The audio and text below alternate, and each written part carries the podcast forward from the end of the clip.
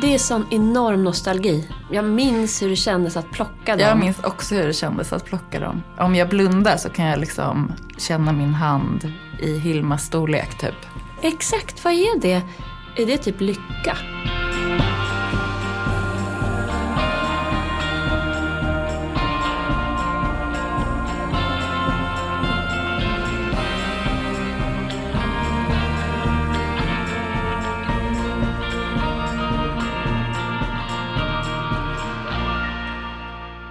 Hur mår du? Ja, jag mår okej. Det är skönt att säga det ju. Ja, det är, det är väl typ 50-50 att jag börjar grina här i Aha. sändningen idag.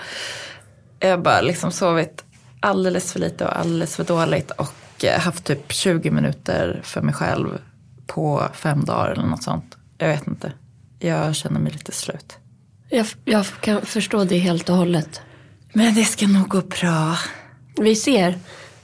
Gråt är ju också... Min son har en sån underbar svenska lärare eller klasslärare som Ja. säger att gråten är kroppens tvättmaskin. Men det är ju så sant. Ja, Men man kanske ska göra det i sin säng eller någonstans. Typ på cykeln hit när jag börjar tänka på att så här, jag kan dö. Alltså du vet en sån dag. förlåt att jag skrattar men det är bara fint att se att vi har det här gemensamt. Men vad heter det? Jag vill mycket hellre prata om din födelsedag. Ja, jag fyllde 40 i fredags. Ja, grattis Elin. Det Tack. är ju så stort. Ja, det kändes faktiskt lite stort. Alltså jag har ju känt mig som att jag är 40 länge. Så att, att fylla 40 var skönt. Det var som så här, ja nu är jag där jag ska Alltså vara. för att du har liksom, men på vilket sätt har du känt att du har varit 40 länge? Ja, men jag tror dels att det är att Alex är ju 10 år äldre. Så han, Just det, han fyller ju 50 år, eller ja, hur? nästa månad, 25 maj. Och då har jag ju haft stora barn. Alltså Lisa och Måns var 9 och 11 när vi träffades. Ja. Så jag fick liksom stora barn ganska tidigt i min egen ålder. Alltså för mig själv var det tidigt. Ja. Och då, då hamnar man i massa situationer där man liksom är med 40-åringar eller äldre. Ja. Och sen så tror jag att jag har som en så här på ett sätt gammal själ. Du föddes som 40-åring. Ja, men, jag känner i alla fall att jag är den ålder jag är äntligen och det känns skönt. Ja. ja, vad härligt. Ja. Hur, var, hur firade ni? Ja, men, jag kan tycka att födelsedagar är lite, det finns en tendens till vemod. Ja. Men det fanns inte alls. Utan jag vaknade i fredags. Jag var glad och kände livet i mig. Ehm, som man gör när man är vuxen så vaknade jag verkligen till sången. Alltså, men gud, vad jag låg härligt. inte vaken innan. Och det enda jag liksom visste att jag ville med födelsedagen eller hade förhoppningar om det var att alla barnen skulle vara där. Ja. Och det var de. ja. Och då, känns det, då känner jag mig så rik när hela sängen är full med barn. Du samlar ju på barn och djur. ja. Nej, men det, var, det var jättemysigt. Och så var det sol. Ja, det var en helt underbar dag. Det var ju verkligen en vår, typ nästan försommardag. Ja, det var så fint. Och sen så åt vi frukost. Alex höll på med sin telefon. lite. Man kände lite pirrigt så här att det var Ja. liksom saker på gång på något sätt. Ja. Och för den som har kontrollbehov så kan ju det där vara lite jobbigt. Men jag hade bestämt mig redan från start att men jag ska bara go with the flow.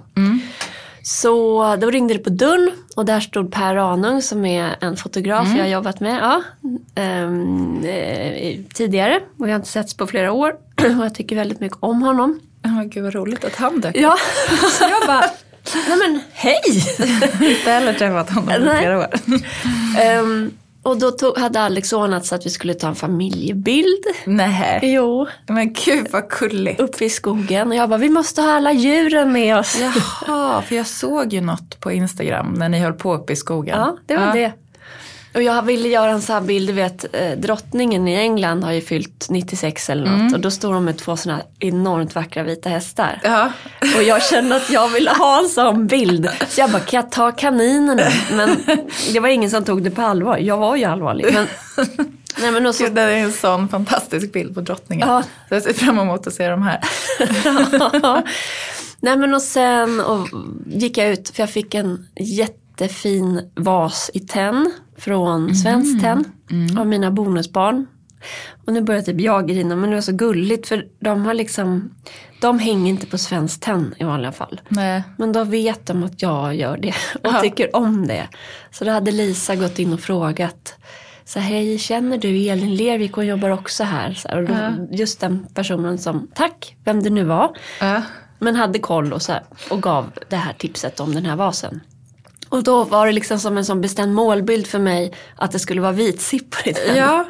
Så jag hoppade ut i skogen och tänkte bara hitta vitsippen men det fanns ju inte någonstans. Jag gick liksom Nej en men sant? timmes promenad. Till slut hittade jag. Ja. Och det tror jag var bra att jag gick en promenad en timme. Ja, då fick du göra det helt själv? Helt själv. Ja. Så kom jag tillbaka och kände mig jordad.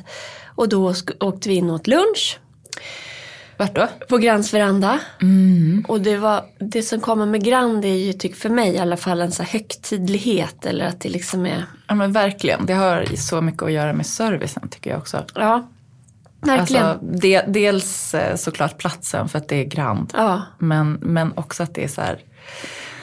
Ja men det känns, servicenivån är lite mer internationell kanske. exakt. För det var det internationella jag tänkte på mycket. Också, det har jag känt flera gånger när jag är där. Jag tycker att det är otroligt mysigt. Och när vi har haft så här firanden så är det ett sånt ställe vi kan gå till. Men det finns också en tendens eh, med Grand Hotels verandan där. Jag kände mig typ pyttelite som en turist. Ja. Alltså att jag satt i Stockholm fast tittade på Stockholm. Ja, Kan du fatta vad jag ja menar? jag fattar vad du menar. Och jag tycker det är så här äh, faktiskt en Alltså jag tycker inte om att känna mig som en turist i andra städer. Men i sin egen stad kan det vara jättehärligt. Ja, det var typ som att vi hade åkt på en liten miniresa. Ja. Ja, men eh, sen så skulle vi gå hem och så eh, vi- var jag på väg till bilen och så drog Alex mig tillbaks till gatan. Han bara, vi ska gå lite här. Och då blev jag pirrig. Och så, det finns ett par kompisar som jag inte har någon kontakt med längre eh, av olika anledningar.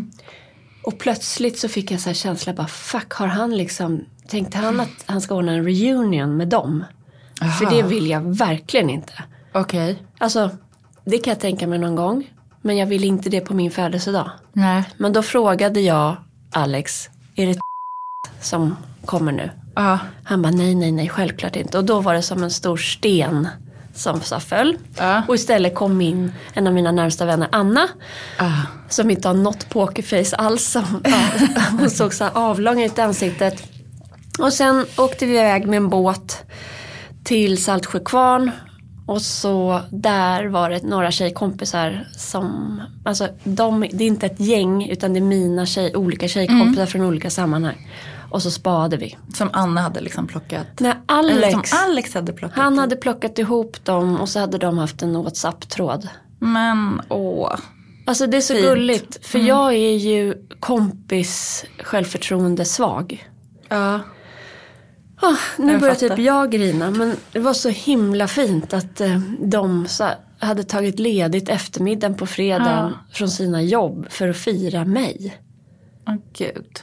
Och så satt vi där sen och höll på i spat och inne i omklädningsrummet och satt och sminkade oss och så bara så här shit, nu är jag en sån här tjej som har kompisar som sitter och sminkar sig. Ja. Elin, vad, vad menar du när du säger kompis eh, självförtroende svag? Nej men, ja, det här, jag tycker det här med att vara kompis är svårt. Min roman tänker jag ska handla om det. Ja, Jag har det redan tror jag börjat. är så, så många som, som tycker. Ja, för det, jag har alltid känt att alla har så många vänner och att alla förstår varandra i de här vänskapsgrupperingarna. Och att jag liksom inte riktigt... Det var lite rörigt hemma hos mig när jag var liten och jag tror att jag hade stort behov av att vara någon annanstans. Ehm, så att jag kan tänka mig att jag vill, jag ville liksom ha en själsfrämd. Jag ville ha någon som bara typ var min tvilling liksom. Och när man är ung så kan ju det där vara att det suger ut en liksom. Ja, verkligen. Och jag tror jag har försökt tänka igenom gamla kompisrelationer, och hur det har blivit och en annan del i det är bangandet som jag tänkte att vi skulle prata lite om sen. Ja, bangandet. Alltså att man inte dyker upp. Man Exakt. ställer in i sista Precis. sekund. Men jag har också haft den tendensen så jag vet inte vad det är. Jag, jag tror att jag typ inte är en bra kompis. Och det här är ju helt paradoxalt för att jag är verkligen den som ställer upp och hjälper liksom 100 procent. Men det är som, Det är, en jätte, alltså det är ju jättesvåra relationer som man liksom på något sätt i vår kultur ska ta lite för givet. Att de bara ska kunna fin- finnas där och att det ska gå lätt och smidigt. Och, exakt. för jag har alltid också varit avundsjuk på de som har ett stort gäng. Samtidigt som jag liksom trivs inte i gänget. För att jag blir, då blir jag liksom, känner jag mig kvävd och instängd och så ska man liksom alla göra likadant och så känner jag mig som ett ufo typ. Ja. Så det är så himla så här, konstigt att det är så, för det är så otroligt idealiserat det här gänget. Tyck, alltså för mig är Mm. Exakt, det 100 procent. Eh, och i alla tv-serier, i alla filmer man har sett så är det liksom, alltså för mig är gänget mycket mer idealiserat än liksom bästisen. Ja, ja, ja men eh, Det kanske kommer med åldern i och för sig också. Jo, jag tror det. Och det är inte bästisen. Det släppte jag för jättelänge sedan. Nu är typ Alex min bästis. Ja. Men eh, utan det här gänget som delar en historia med massa minnen. Och typ om jag skulle fylla år så skulle det då vara liksom att det var det här gänget som har varit med mig från jag var liten tills nu. Som då kunde liksom hålla ett tal typ om så här var du när du var liten och tänk när vi gjorde det här. Och, men jag har liksom vänner från olika, från det jobbet, från den perioden, från den som är ihopplockade. Och de hade Alex plockat ihop. Underbart, nu har du ett gäng. Tänk när du fyller 50, då kommer ni säkert ses igen. Ja. ja, jag ville ju genast anordna en vandringsresa eller ridresa. Nu ska vi bli en grupp.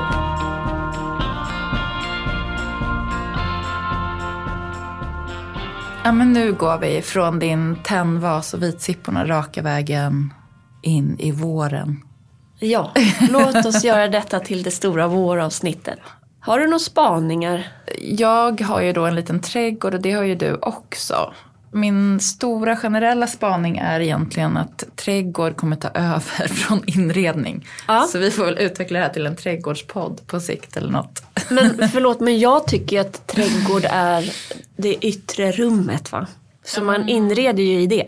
Det är det ju 100 procent. Och för mig är det mycket lättare att ta mig an det yttre rummet med liksom möbler och piff än med odlingar kan jag säga. Ja. Förlåt, men om ni hör att det låter så här dick, dick, dick. Ja. Då är ju det ett element vi har ställt in för vi är frusna. Ja, jag trodde det var vår så jag har liksom på mig ett par så här Gucci-tofflor. Ja, De är jättefina. De, är jättefina. Där pälsklädda på insidan. Ja, Jag har heller inga, jag har kort liksom trekvartsbralla typ och inga strumpor så jag fryser. ja, vi fryser båda två. Men det är väl också typiskt för våren att man klär sig för kallt. Ja, verkligen. 100 procent. Därför måste man ju ha massa plädar till exempel om man ska plocka in liksom inredningen i, Ute. i våren. Ja. Ja, det är sant. Mycket plädar. Och eh, vi håller ju på nu, vi ärvde massa möbler av mina föräldrar när de flyttade, utemöbler. Ja, precis. För de har precis flyttat från hus till lägenheter. Exakt. Ja. Men är- gud vad prack, alltså vilken bra timing. Ja, men det är olika liksom, grupperingar som ska vara egentligen på olika ställen. Ja. Och nu är allt mergat ihop på ett ställe så det är lite rörigt i, på tomten. Men mm, vi ska ordna med det. Men då skulle jag vilja att alla dynorna i stolarna hade samma tyg till exempel. Ja, ska du inte ta det där missfärgade. Kemtvättstyget från Jo, Italien? lite- det, det- räcker kanske inte riktigt. Det, nästan skulle det nog göra det men det är liksom vitt i, i, i bas. Jag tycker inte att vitt är bra som trädgårdsmöbeltyg. Nej. Vad har du för förvaring för eh, dina kuddar och sånt? Mm. Har du tänkt på det? Ja, för det kom också en sån typ klassisk brudkista eh, från mamma och pappa.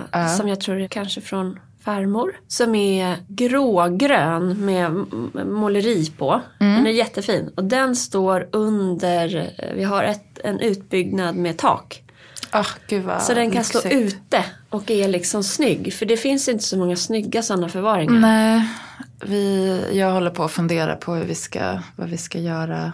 Vi har ett helt underbart stort matbord eh, i så grekisk marmor från ett företag som heter Public Studio som gör, eh, ja, men de gör marmormöbler från framför allt eh, nedlagda marmorbrott. Så det är liksom kvarlevor efter Men gud vad härligt. Ja, så här, återbrukad, eller liksom, o- man, de har inte, ja men ta tillvara på redan bruten marmor liksom.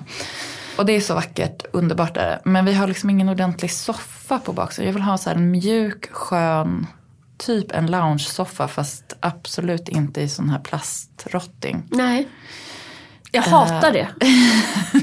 Och jag känner jättemånga som har det och det är inte, jag föraktar inte er men jag tycker det är så dumt av liksom, branschen att det finns så väldigt mycket sån här fake rotting, plastrotting. Alltså jag tycker min mm, bästis eh, som bor granne med oss, hon har hittat en på Ikea som liksom ändå ser, om man tittar på den på långt håll så, så ser man inte att det är exakt en sån. För de Nej. flesta brukar ju vara så här ganska boxiga liksom, och väldigt stora. Den här är liksom lite nättare. Men, och det är ju aspraktiskt för att vi har ju inte jättestora utrymmen eller något garage eller så här. Vi bor ju i små liksom 50-talsradhus. Så det är svårt med förvaringen. Och eh, jag skulle jättegärna vilja ha liksom massa kuddar. Mjukt och gosigt. Men vart ska jag få plats med kuddarna? Nej. Vi har ju liksom världens mest minimala hall. Man vill inte behöva springa upp och ner till Nej. källaren. Nej, det, det, det behöver egentligen vara en låda ute. Ja precis, jag måste hitta en. Jag tänkte ett tag att jag skulle kunna kanske bygga en. Men det har jag nu gett upp. Jag hade tänkt bygga massa, massa olika lådor. Så här, odlingslåda, sitta, lådor. eh, Ja. Det finns faktiskt inte så mycket fina utemöbler i spannet så här. Antingen är det svindyrt Ja, eller så är det billigt. Ja men det är Och fult så. typ. Och ja. däremellan finns det inget bra. Jättesvårt är det. Men om vi kommer på något bra så får vi tipsa här i podden om det. Mm. Men, men att tänka på andra typer av möbler som då den här brudkistan. Nu, nu har vi ju tak över. Ja precis, vi har ju också så här äh, K-märkta fasader så att vi får inte fästa någonting i fasaderna. Så att Vi har inget tak ute. Så Nej, vi måste ha något som är så här äh, vattentätt. Mm. Då blir det en sån här svart ful plastlåda. Nej, men jag har hittat några som kanske har så plast inuti. Jag vill ju också då, jag har ju lite så här plastångest. Ja. Det kan man ju lätt få. Mhm. Vet du att det råder plastbrist i, i världen? ja, jag vet. Jag vet. Det är så sjukt. Det är så sjukt. Det är ju kriget. Det råder ju brist på typ allt. Alltså Mm. trä, glas, allt möjligt. Mm. Men just plast känns som att vi Men inte plast skulle haft en brist här, på. Nej, Fiska lite i havet så får du upp en plastbit. ja gud kan man inte göra det? Det finns ju en hel kontinent som flyter runt Mm. i Stilla havet där över. Mm. Oklart. Ja, oklart. Trendspaningar i trädgården. Mm, förutom att trädgård då är den stora trenden. Mm. Och vet du varför jag tror det? Nej. Alltså om man tittar på så här 00-talet till exempel. Då var det ju liksom mode som var the zeitgeist. Mm. Sen så hinner alla liksom så här billiga kedjor och så i kapp och Mm. det är lätt för vem som helst att klä sig på ett moderiktigt, eh, trendigt sätt som ser dyrt ut. Typ. Mm. Eh, Och nu tycker jag att det har hänt lite grann med inredning och särskilt under pandemin så har det varit så här extre- alla har ju fokuserat på inredningen. Mm. Eh, Och lärt sig massor och eh, kedjorna har hunnit komma efter och det, det går liksom, om man vill shoppa sig till ett fint hem på en dag typ så går det Ja. att göra. Men trädgård är ju liksom, om man inte tar hjälp utifrån så är det väldigt svårt. Mm. Det måste, man- måste lägga ner tiden och tid är ju på något sätt så här, kanske vår liksom, generations stora statusmarkör. Man måste göra jobbet helt enkelt. Och spaningen är då? Det var spaningen på att varför trädgård är, the shit just nu. Spaningen i trädgården är att man vill ha en potager. Potager. En potager, ja. Är det, var det en lerkruka? det vill man ju också ha såklart. Vad betyder potager? Det är en em, fransk liksom, soppträdgård. Typ. Alltså en, en fransk köksträdgård. Soppa? Att man odlar saker som man... Som man sen slänger ihop till en soppa. Så potager, det, det känns som att det har något med kastrull att göra typ. Alltså, jag tror att det betyder soppa typ. Okej, vi släpper kastrullen. Det är din spaning. Det är min spaning. Och i en potager så har man då, dels så har man grönsaker. Eh, allt man liksom behöver i en köksträdgård. Eh, och sen så har man också eh, snittblommor. Alltså alla blommor som man odlar för att bruka i hemmet. Buketter liksom. Buketter, ja. De har man då i potageren så att man fortfarande kan ha sina så fina rabatter intakta på framsidan av huset typ. Såklart, alltså jag är mitt i din spaning. Och det här blir jag lite trött på mig själv. För jag, nu har vi flyttat till hus. Allt det här ser jag bara som en slump. Att, alltså, vi har flyttat till hus, det är, det är ingen slump. Det är på grund av corona typ. Jag tror att vi tog ett beslut bara att flytta till landet, eh, eller landet, förlåt. Nu. Ja, okej. Flyttade till hus utanför stan. Eh, att det var liksom en stor grej för oss. Eh, det, det är bara mainstream, det gör alla. Och sen då att jag nu har blivit helt odlingstokig är också helt mainstream då. Men man kan inte låta, alltså det är så häftigt att se, man sätter, nu håller jag ju på med fröer. Ja. Men att sätta ett litet frö och få det att överleva Ja. och bli en blomma. Ja. Det är så mindblowing. ja, verkligen. Det är ju faktiskt helt sjukt. Och förra året gjorde jag ju det fast det var byggkaos på vår tomt. Så, så gjorde vi en sån här transitrabatt jag har pratat om. Men då, då bodde vi andra hand i Hammarby sjöstad i en lägenhet som hade det var som att bo i ett växthus för det var glasfönster överallt. Alltså det var så varmt och jag var så här, hade fött barn och var stor och svettig. Men, men de här frösådda blommorna mådde jättebra. Och de satte jag ut på tomten. Och så la vi så bevattningssystem som droppar. Ja. För det är också eh, bra. eh, Det är både bra för rötterna och det är bra för... Det är liksom mer hållbart att vattna på det sättet för att du små vattnar jorden hela tiden än att liksom... Ja. Ja, det här är liksom level up från mig gånger hundra. Mhm. Tänk att jag är Gud det. ja. Alltså trädgård. Du vill inte komma hem till min trädgård. Vill jag inte? Alltså du vill sitta vid det där härliga bordet men Ja. inte, med, inte liksom titta på det som växer. Har du trädgårdsångest? Nej, för vet du, jag har liksom bestämt mig för att jag vill ha något att se fram emot i livet. Så att när jag är, om tio, jag har ju också fyllt 40 år, så att eh, om 10 år då, då börjar min trädgårdsresa. Mm. Typ, när barnen är lite större. Klokt. Nej, men förra året, jag försådde också lite grejer men de bara blev så här bleka. Jag tror jag började för tidigt för att det var så här corona man var så övertaggad på att bli en sån där härlig trädgårdsmänniska. Ja. Som jag tänker att alla trädgårdsmänniskor är. Vilka tror du är som, som går i bräschen för den här då liksom potager grejen? I, i, om man tänker i Sverige eller internationellt. Alltså jag tror att det har varit eh, en odlingstrend att odla sin egen mat ganska länge tror jag. Att liksom folk har börjat odla grönsaker. Men sen så har vi ju liksom sett det här blomsteruppropet med Hanna Wendelbo och Emily Bratt till exempel. Eh, och några fler. Som liksom handlar om eh, att använda växter och blommor i säsong väldigt mycket eh, som har någon slags hållbarhetstänk. Och det tror jag sprider sig ut i trädgårdarna nu. Att man vill liksom man vill odla sina egna. Det är ju närodlat så långt man kan komma Ja. på något sätt. Precis. Det är ju härligt för jag är egentligen en stor konsument av snittblommor. Men det har gått ner. Dels för att jag inte bor bredvid min favoritsnittblomsaffär Ginkgo på Hornsgatan. Och dels för att vi har flyttat till hus så att jag kan liksom gå ut och ta en kvist och sätta i en vas och så Ja. händer det något. Eller blåbärsris typ. Och det känns härligt att odla blommorna själv så att jag vet att de, vart de kommer ifrån. Att det inte har varit massa transporter eller bekämpningsmedel och så vidare. Ja, precis.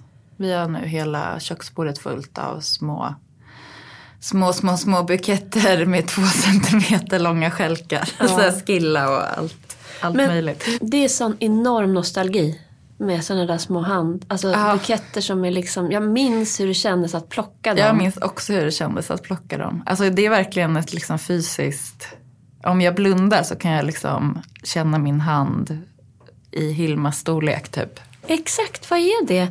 Hur varma de blev och lite svettiga. Ja, så exakt man så. dem.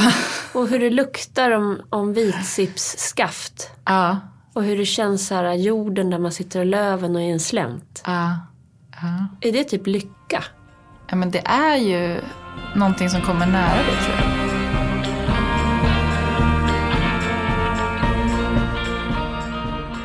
Men om man inte har trädgården där man kan odla sina snittblommor själv. Mm. Har du bra tips där kanske? Ja men vi har varit på både på Rosendal och på Rosenhill här i Stockholm. Där har de så här blomster självplock. Ja. Så får man liksom betala, jag tror att det är utifrån vikt. Alltså lite som att gå och plocka jordgubbar. Så kan man, de har ju då också alla möjliga sorters blommor.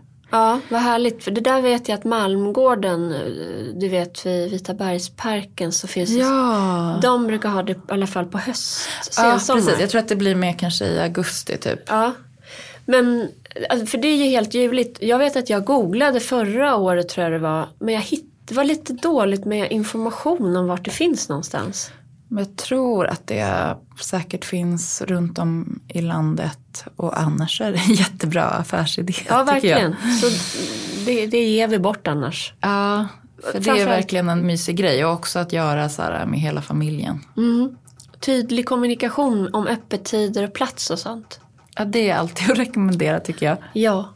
Annars då på våren, är du sån som byter gardiner? Alltså vi har ju inte så mycket gardiner hemma faktiskt. Jag tycker att det finns något så här väldigt härligt med det. Ja. Mamma bytte gardiner men vi var alltid så här, hade julgardinerna fram till juni typ. Ja. så det är väl lätt hänt att det blir så. Och därför kan det ju vara praktiskt att ha samma året om. Men du som har så mycket gardiner och så mycket textilier generellt, brukar du byta? Har du så här äh, sommarkuddar, höstkuddar? Nej, jag har inte riktigt det. Eh, Eller jag har väldigt mycket kuddar. Så att jag har lite lager på kuddfodral eller örngott eller vad man säger. Men gardinmässigt så, nu så gjorde vi liksom en investering med ordentlig upphängning och fick gardiner uppsydda. Ja. Så där kommer jag nog inte hålla på att byta ut så mycket förutom i bibblan som jag kallar det. Där vi nu har så här tunna vita gardiner som är perfekta nu. April, maj, juni, juli, augusti. Och visst är det dörrar ut där? Precis. Gud, då kan man öppna dörrarna så får man den här, åh, de sveper in Exakt. i rummet. Ja. Det ska vi uppleva i sommar tänker jag. Men där kan jag tänka mig i höstvinter att det kunde vara fint att ha något tjockare och murrigare. Mm. Jättemysigt ju i ett bibliotek. Ja, typ senapsgula Ja, tänker jag. det kan bli bara något. Sammet. Oklart om Alex kommer igång, gå igång på det. Tror inte du ska dra dina textilidéer med honom? Jag bara kör. Ja, Ja. jag tror det. Vet du när jag fyllde år nu så fick jag ett födelsedagskort av honom. Alltså Ja. som han hade skrivit jättefint i. Och det var massa djur på det. Aha. Vet du vad min första tanke var då? Det är bara, nu får jag geten. Exakt. Jag trodde att det skulle stå det kommer en get. Det var inte ens så här, jag bara, är det en get? Han bara, "Mm." det var, det var liksom inte ens roligt. Där, det, jag har kört det för långt. Men hönsen då? Alltså höns, det känns som att det skulle passa. Ja, men jag, höns är lite, jag tycker de är lite äckliga. Alltså just deras klofötter liksom. Ja. Alltså jag förstår den känslan absolut. Plus att de liksom, som jag har förstått det så utser de ofta en hackkyckling. Eller så är det när de inte mår bra. Men jag, när jag var liten så bodde en av mina lärare ganska nära oss. Och de hade så här jätteliten hönsgård, det kanske var därför. Ja. Men då var det liksom en som var så här hackkycklingen som inte hade några fjädrar. Jag blev så, så- himla illa berörd av det. Det är så obarmhärtigt. Ja. Apropå det här med hönsen. Ja. Jag har ju snöat in på plantering eller att så saker och då har jag eh, dels har jag lyssnat på Röda vita rosen, det var så det började förra året Ja. Med Jenny och Victoria Skoglund som Ja. liksom puttade igång mig med odling av luktärtor. Mm. Och då är ju tipset för er eh, som är rookies som jag var förra året att man tar en plastpåse, sätter i en kruka, har i jord, fuktar ordentligt, tryck, trycker ner de här eh, luktärtorna och sen när de är typ 7-10 centimeter stora då kan man flytta ut dem. Alltså du stoppar krukan i en plastpåse? Ja. Så att det blir som någon slags miniväxthus? Exakt. Eller är det en genomskinlig påse? Ja. Eller? Och då är tips till nästa gång att köpa lite större påsar än vad jag gjorde. För det var som att försöka trä på en kondom över den här krukan. Men eh, nu sitter den supertight. Och så ställer man ut dem och de, då ska de bli knubbiga och sånt. Ja, Ja. men det funkar. Luktärt det är ett A att börja med. Jag vill bara Ja. säga att jag visste inte vad luktärt var för tre år sedan. Nej, men apropå plastpåsar vill jag också slänga in, det här är tips från Nicole Wilson. New Generation Gardens heter hon på Mhm. Instagram. När det gäller dahlior, Ja. för det här är det enda jag har då gett mig på i trädgården. Jag, släng, jag fick massa dahliaknölar av eh, min chef Sia förra året. Ja. Jättefint uppmärkta. Sen blev det typ plötsligt kallt på hösten så jag bara slängde ner dem i källaren verkligen. Alla lappar ligger huller om buller. Men nu har jag stoppat ner dem i lite jord, lite fuktig jord i plastpåsar. Ja. Och alla har typ fått sugrötter. Alltså de har liksom överlevt den här obarmhärtiga behandlingen. Vilket Gud, jag, är- jag, nu har de också börjat få upp lite grönt. Men Ja. så plastpåsar, apro- vi bara plastångest. Men plastpåsar är, är eh, ovärderliga i trädgårdsarbete tydligen. ja, det är i alla fall ett, ett väldigt eh, Väldigt smidigt. smidigt sätt och, och lätt för den som inte är supererfaren att få lite hjälp på vägen. Men vi höll på att prata om hönsen. Ja, för att eh, Hanna Wendelbo skriver då i sin bok, alltså den är så praktisk, Att odla blommor tror jag den heter. Ja, jag tror odla blommor Odla bara. blommor, annueller från frö till bukett. Annueller visste jag inte ens vad det var. Det är Det är de som kommer vartannat år eller, eller som blommar i två, två ja, år. Ja, och sen har vi de här uh, perennerna som kommer om och om igen. Ja. Men skit i det. Det jag skulle säga var att hon pratade om eh, kompost och att det liksom är eh, jorden är jätteviktig. Mm, det är hon verkligen. Det har jag också lärt mig av henne. Ja, och eh, att man ska jordförbättra och då är hästgödsel det bästa men man kan också ta kogödsel om man inte har tillgång till hästgödsel. Och sen så har, finns det här guldvattnet, alltså att man kissar och blandar det med vatten. Mm, men det gillar inte hon. Nej, hon gillar inte det, men det gillar Victoria Men det gillar Skoglund. Victoria Skoglund. Och min, min mamma gillar det jättemycket också. Ja, och min son tycker det är spännande. Men då har jag kollat på att man ska slänga ut hönsgödsel. Ja. Så i helgen var jag och köpte hönsgödsel.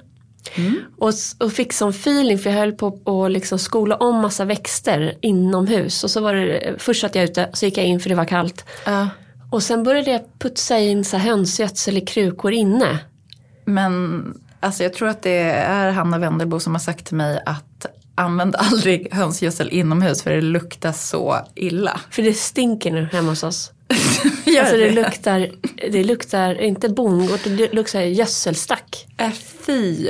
Men jag har sagt att de kan ta en sån här Byredo, vi har en sån doftspray. Alltså det är typ så här eh, hemmets motsvarighet till en fransk dusch typ. Ja. Eller? Ja, alltså det, det, sminka över en påse ja vi, bajs. vi sminkar över bajset just nu. Det blev tokigt, vad ska jag göra? Ja, det var mitt spår om höns.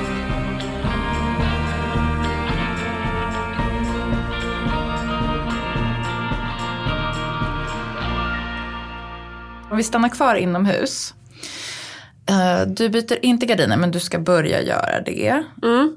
Och eh, kuddar håller du inte på med. För jag tycker ändå det är härligt att liksom man plockar fram en massa nya vaser, man plockar bort lite ljusstakar och sådär. Att man Gör du liksom, det? Ja det gör jag. Ja. Men det har väl kanske också att göra med att vi bor så litet då. Att man måste liksom ha lite så här sommargarderob med, med.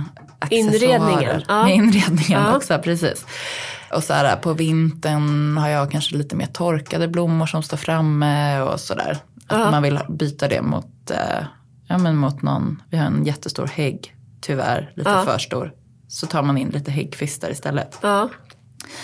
Så det gör jag. Och sen så skulle jag vilja ha lite så här tunna typ muslinfiltar. Bara för att jag älskar att ha, jag älskar att ha filt på mig. ja. Eh, men det blir ju lite för varmt med de här tjocka ullfiltarna. Då har jag tips, bordsdukar.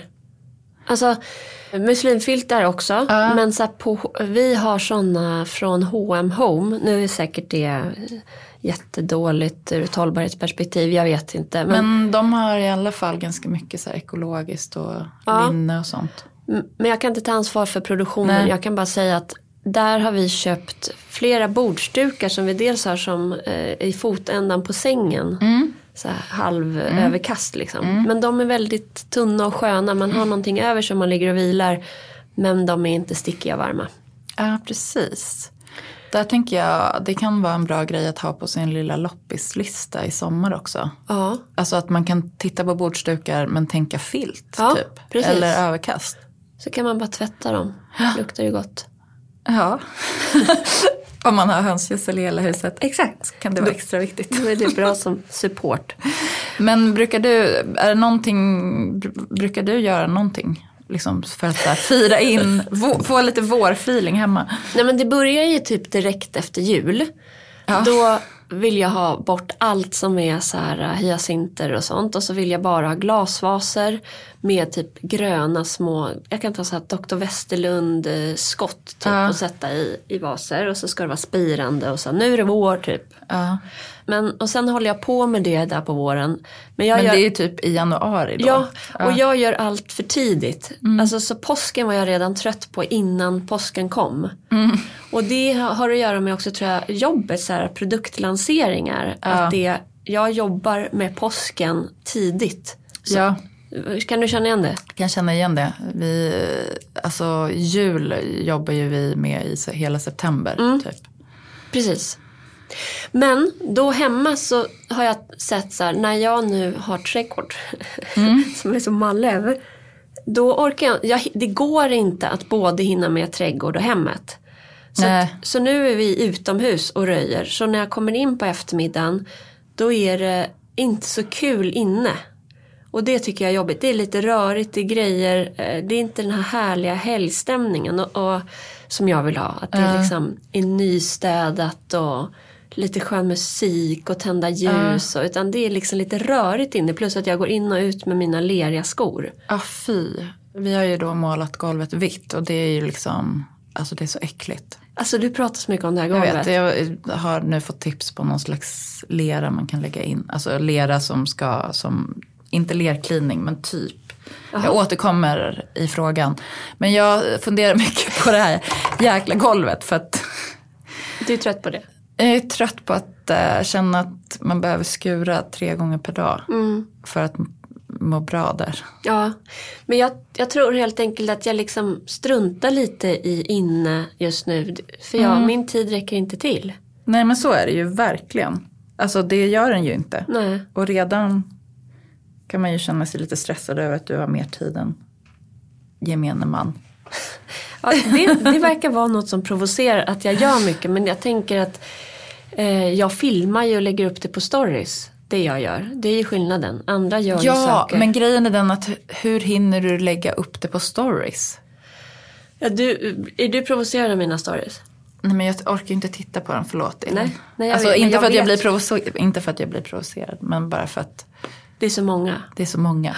Men jag har märkt att det finns en, eh, en grupp, jag kallar dem Elinfolket. Mm. De älskar mina stories. Ja. Och det är de som kommenterar och så. På tal om det så la jag upp en text igår. För vi, eh, vi spelar in en radio i måndag, igår var det söndag. Jag var liksom lite socialt trött efter den här helgen. Ja. Hur underbart det än är med kalas och så. så.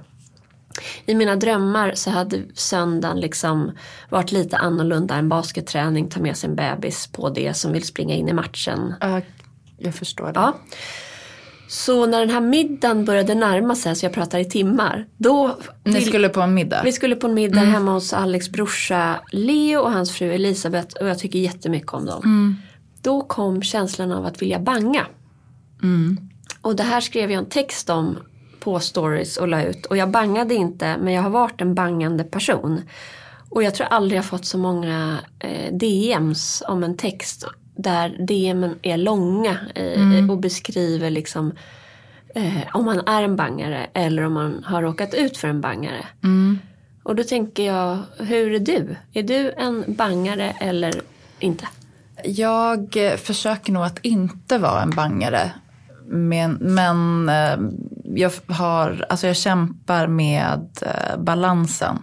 Eftersom jag också, alltså det är därför jag liksom i morse grät och började gråta på cykeln på vägen hit och sådär. För att jag eh, jag tror att det alltid har varit så för mig kanske. Men, men särskilt mycket sen jag liksom fick det här utmattningssyndromet, antar jag. Ja. För ja, men, fyra och ett halvt år sedan. Tre och ett halvt år sedan. Jag Ja. vet inte. Att jag måste hushålla så mycket med min energi. Och det är ju väldigt svårt tycker jag som förälder. Alltså det är som att lära sig något nytt. Och då känner jag så att ibland, ah, det är så svårt att veta så här, när borde jag banga för att jag ska må bra och när ska jag inte banga för att jag ska få, behöver få den energin liksom. Nej, och det är ju dagsformen också. Alltså, så mycket, verkligen dagsformen. För att mitt bangande, eh, en bra sak som hände var jag var bjuden på en tjejmiddag för några år sedan till min killkompis fru som jag också hade börjat lära känna. Och hon är liksom så nätverksperson, eh, intellektuell, rolig. Ja, Och gjort, hade gjort då liksom en ambitiös inbjudan. Och det här var under en period när jag inte mådde så bra. ja, Jag borde ju sett att jag skulle inte, jag skulle inte tackat ja till den där middagen. Men när det närmade sig så var det sån typ ångest att jag skulle gå på den. Fast det var precis en sån middag som jag typ skulle behövt gå på. ehm, som jag hade haft trevligt på och så. Så jag bangade i sista sekund. Jag kommer inte ihåg om jag typ ljög eller om jag sa så här, jag mår psykiskt dåligt. Hon fattade det, det var ingen grej. Men sen fick jag ett sms av hennes man. Som bara, "F- förstår du inte hur mycket tid min fru har lagt ner på den här middagen? Det är respektlöst att ställa in så här kort inpå. Nu kommer din stol stå tom. Hon har planerat vilka gästerna är och sånt. Ja, det var liksom en sån riktig middag med Ja. bordsplacering och så här uttänkt gästlista typ. Så här, här ska Elin sitta för hon kommer ha något gemensamt med den här Exakt. bordsgrannen. Och jag blev så arg på hans sms därför att det träffade ju rakt in i det Ja. som är mitt stora dåliga samvete. Så då bröt jag med honom. Oj, Ja, jag bara, vem är han att säga till mig som vuxen person hur jag ska bete mig och sånt där. ja, Eh, eller jag bröt genom att försvinna undan typ och, och ducka. Men det här har jag tänkt på jättemycket i efterhand och jag inser att han lärde mig något och egentligen borde ju vänskap palla sånt. Alltså att man kan vara ärlig, rak mot varandra. Men jag tänker att en orsak till att du bangade var ju att du inte mådde särskilt bra just då. Och Nej. då är man kanske inte liksom på rätt plats att då kanske man behöver ha väldigt konstruktiv kritik. Liksom. Ja, alltså man kan precis. inte man, man stänger ju in sig lite grann när man mår dåligt. Ja. Alltså både fysiskt och eh, kanske också psykiskt. Och då är man kanske inte så mottaglig för det man egentligen skulle behöva. Nej. Men bangandet är ju inte så hemtrevligt. Nej, det är det ju inte. När någon har, för det var ju då, jag skulle säga att 80-85% av de som har DMat mig om att de är bangare känner igen sig. Men sen var det ett gäng som, in, som liksom har stått ut med att bli, eller utstås av banget. Alltså jag tror att jag har varit en bangare men att jag typ har förträngt det. Ja, Och att jag sen har blivit så här, som att jag förr i tiden alltid var sen också. Och nu har jag blivit en person som är så här, oj om jag vet att jag kommer fem minuter för sent då har jag av mig i tid och ber om ursäkt. exakt samma. Så jag tror att jag verkligen har varit en bangare för att jag också har varit liksom socialt obekväm helt enkelt i olika grupper. Men jag har också verkligen varit med om att bli bangad på. Och blivit väldigt ledsen för det. Men sen, om jag vet att en kompis är en bangare och förstår varför den personen är det, då, då kan jag vara väldigt accepterande för det. Jag också. Och då kan jag ibland tycka att det är typ så lite skönt. Att man bara, ja men vi har den här, äh, vi skulle göra det här på fredagen men nu, nu är klockan typ halv sju. Hon har inte hört av sig. Nu kommer hon nog höra av sig snart och eh, säga att hon bangar. Ja. Nej men det är väl det där att både lära känna sig själv. För om man är en bangare så eh, ju äldre man blir desto mer självinsikt hoppas jag verkligen man får. Ja, och sen så tror jag ju också att det är så här, äh, när man var liksom 20 eller 25, då, då hade, alltså allas planer var lite lösare i kanten. Alltså man visste ju inte vart en kväll skulle sluta när den började.